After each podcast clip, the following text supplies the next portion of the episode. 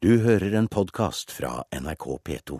SV-ledelsen erkjenner dyp krise, programleder i Politisk kvarter Bjørn Bø. SV kjemper mot sperregrensa og grønne røystetyver. Leder i SV, Audun Lysbakken, velkommen i studio. Tusen takk. I går erkjente du at partiet kjemper for livet som stortingsparti. Hvordan skal det syne denne desperasjonen i valgkampen?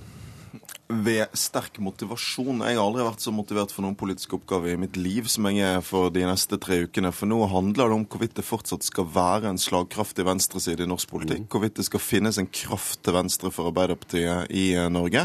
Og det betyr at veldig mange mennesker vil stå igjen uten talspersoner hvis SV forsvinner fra norsk politikk. Vi er de eneste som snakker om flere lærere. Vi, er de eneste som utfordrer eh, skattenivået. Vi er de eneste som er konsekvente i vår motstand mot profitt og anbud i velferdsstaten. Men- og det er bare SV som kan holde Lofoten, Vesterålen og Senja oljefritt. Men denne motivasjonen må smitte dersom det skal gå det i kveld. De har lekkasje både til Arbeiderpartiet og til De Grønne. Kan det være at velgerne mener at det ikke er bruk for SV lenger? Så Vi har i løpet av helgen etter denne veldig dårlige målingen på NRK fått et ras av henvendelser, av støtteerklæringer av folk både i og utenfor SV som melder seg til tjeneste. Så jeg tror at det nå er mulig for oss å mobilisere bredt. Svarer du på spørsmålet nå? Ja, jeg gjør det, fordi at i den mobiliseringen ligger også vår mulighet til å vinne tilbake de velgerne vi har mistet. SV er nå et parti med få velgere, men med mange venner. Og alle som ønsker en sterk venstreside i norsk politikk, alle som mener det er viktig at det finnes en kraft til venstre for Arbeiderpartiet, de må nå mobilisere. Hvor forstyrrende er det at miljøkonkurrenten De Grønne har kommet såpass sterkt på banen?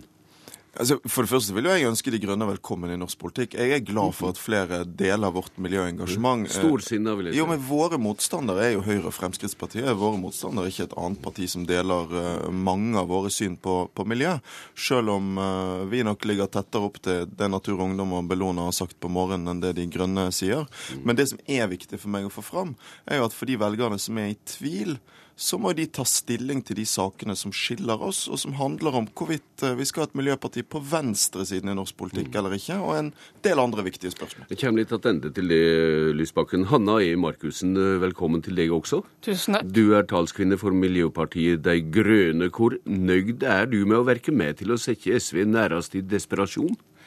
Nå er det jo ikke først og fremst vi som har gjort det. eh, Og det er ikke som om det bare er velgere som tidligere har stemt SV som kommer til oss. Det er folk fra hele det politiske spekteret. Og, det vi ser på en del målinger nå, er at det faktisk er flere som tidligere har stemt Arbeiderpartiet, som sier at de nå vil stemme oss. Er Et protestparti for frustrerte, er det det du sier? Jeg vil ikke kalle det et protestparti, men det som er helt klart, det er at det er veldig mange som ønsker en langt mer ambisiøs klima- og miljøpolitikk i Norge, og som ser nå som vi er kåret til det beste klimapartiet av Klimavalg 2013, hvor, som er mange Men- organisasjoner, bl.a. alle miljøorganisasjoner, som har gått sammen og ønsker å få en langt mer klimavennlig politikk, har sagt at vi er beste klimapartiet. Men som Lysbakken var inne på, det får kritikk fra deler av miljørørsla i dag for å være for snevre også i kjernesaka dykker om miljø. Hvor hardt biter det? Eh, Dette er klart at dette går på enkeltsaker hvor det også i, eh, i miljøbevegelsene er ulike stemmer. Det er jo ulike organisasjoner i miljøorganisasjoner mener ulike ting. Eh, Så det at vi ikke er enige med alle i alt, det, det tar vi med, med veldig stor ro. Og dette er jo ting som vi er i dialog. Vi snakker med alle miljøorganisasjonene, men så er det noen ting hvor vi lytter mer til noen råd enn til andre råd. Audun Lysbakken, hvordan vil du åpne fronten mot Miljøpartiet på det saklige? Abklänge. Altså, jeg har ikke tenkt å angripe De Grønne i valgkampen, men jeg skal delta i debatter med De Grønne om de tingene som skiller oss. Men det er jo sterkt uenige om både det ene og det andre. Det, det handler dels om noen tilnærminger til miljøpolitikken. bl.a. blant annet at vi mener det er nødvendig at det finnes miljøpartier som vil gå inn, ta ansvar, sitte i posisjon. Hvis eh, SV skulle falle ut og De Grønne komme inn, eh, så ville jo det bety at Ole Lofoten, Vesterålen og Senja blir utbygd. Hvis konsekvensen av De Grønnes framgang er at SV går tilbake.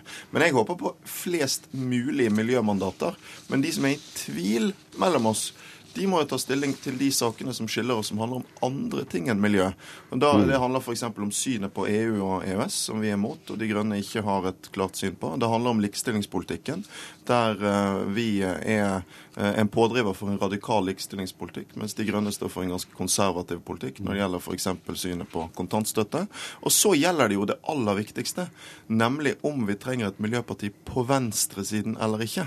Der alle som stemmer SV, vet at de er garantert at de stemmer mot innflytelse for høyresiden, så åpner jo De Grønne for å støtte Erna Solberg som statsminister. Det syns jeg er rart, hvis man er opptatt av miljø. Ja, hvor står det egentlig, Markussen? I dag hørte vi Erna Solberg, lederen i Høyre, si i partilederutspørringa at det er venstreorienterte nullvekster Det er klart at nå som vi begynner å få målinger over sperregrensa, så vil eh, andre partier forsøke å putte den type merkelapper på oss.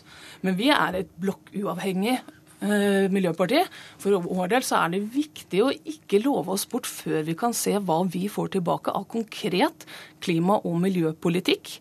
Ja, men Hvordan vil du plassere synspunkter om kontantstønad og fri hasj til dømes inn i dette bildet? Nå må jeg nyansere en del av disse, og her kastes det veldig mange av ulike standpunkt vi har. Ja, Det har et partiprogram? Vi har et partiprogram, og vi har mange punkter i partiprogrammet som vi, som vi gjerne vil at folk skal gå inn og lese. Og, men vi er veldig lite bekymret over at eh, at vi nå blir utfordret på, på, resten av politikken. For vi ønsker jo at folk skal også se på, på hva vi står for i resten ja, av politikken. Ja, og Dersom det skulle komme på Stortinget, så må det ta stilling til hele bredda i politikken. I, i dag har vi hørt, har hørt flengende kritikk av den økonomiske politikken deres i nyhende. Og, og, hvor alvorlig tar det slike politikkområder som er grunnlaget for styring av samfunnet, også klimapolitikken? Ja, økonomisk politikk da er vi veldig alvorlige. Men der tenker jo vi på en annen måte enn tradisjonelt tradisjonell tenkning. For det at vi mener at vi kan ikke se økonomisk politikk uavhengig av det ressursgrunnlaget som økonomien vår er basert på.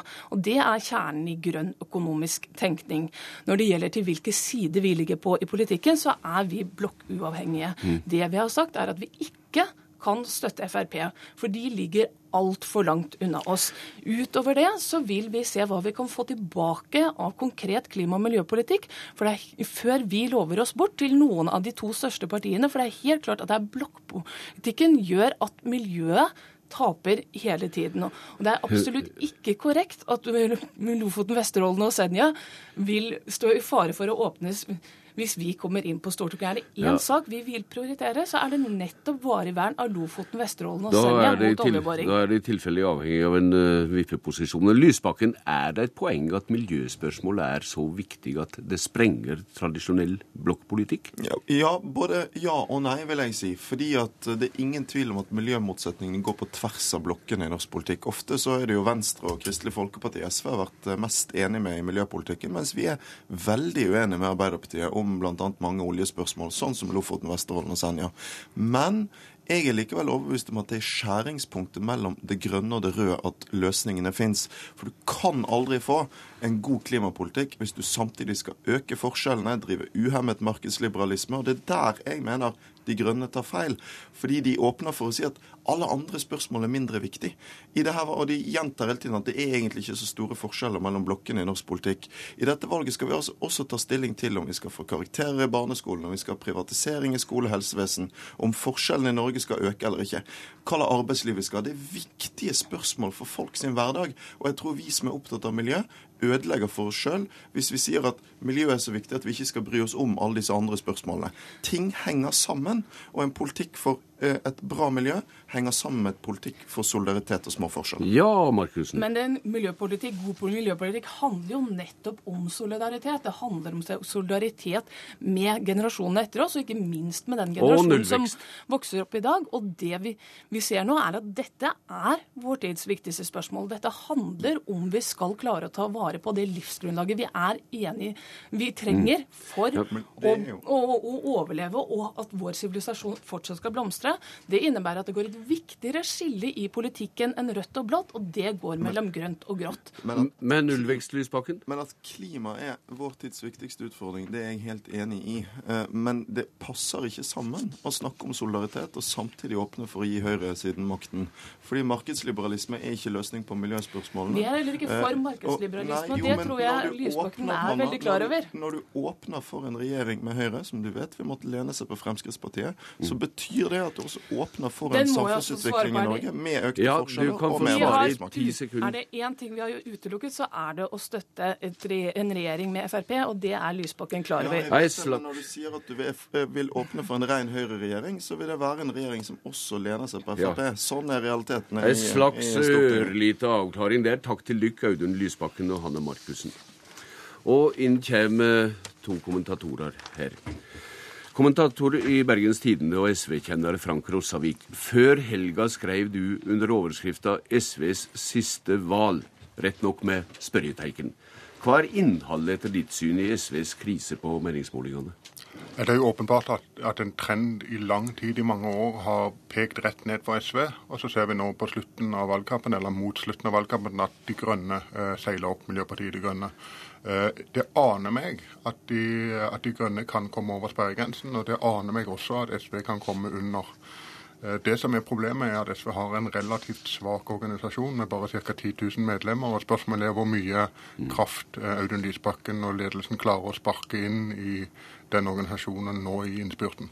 Jeg spurte Lysbakken om det kan være at SV etter mange velgeres syn ikke trengs lenger. Hva mener du om et slikt spørsmål? Jo, jeg tror SV trengs i et større perspektiv for norsk politikk, fordi det trengs en kraft til venstre for Arbeiderpartiet som er troverdig, og som tilstrekkelig mange kan tenke seg å stemme på. Eh, og hvis SV forsvinner som, en, eh, som et troverdig alternativ til Arbeiderpartiet, så vil Arbeiderpartiet mye lettere kunne gli enda lenger til høyre. Så SV fins. Eh, SV trengs, mener jeg. Unnskyld.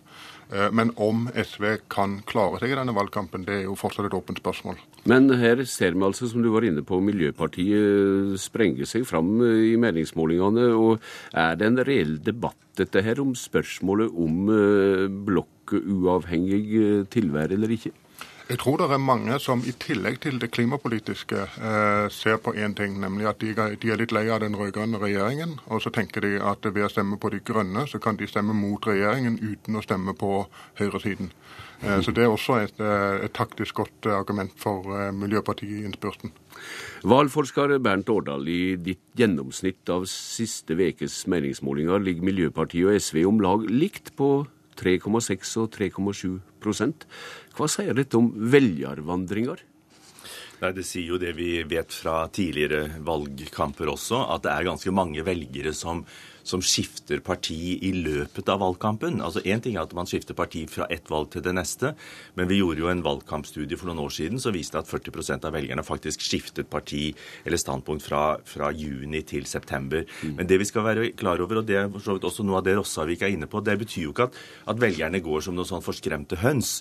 Det, det, de ser, er at de ser flere partier som ligger sånn i nærheten av hverandre, som de da vurderer.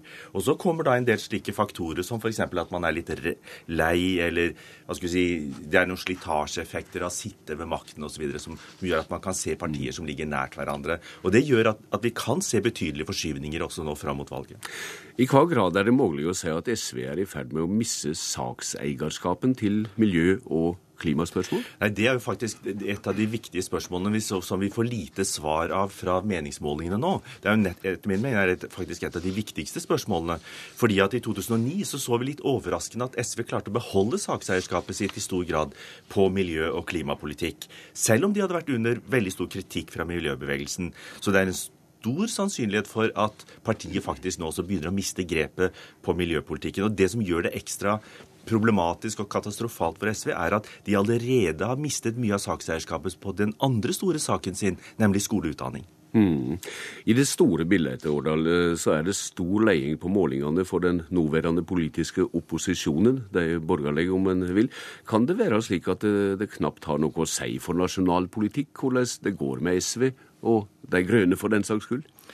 Jo, altså Det vi ser, er jo at partiet som ligger rundt sperregrensen det, Vi har jo flere, vi har fire partier som ligger der nå. Altså Om de kommer over eller under sperregrensen, så vil det gi ganske stor uttelling i mandater. Og faktisk også kan det ha ganske stor betydning for den politikken som en ny regjering vil føre etter valget.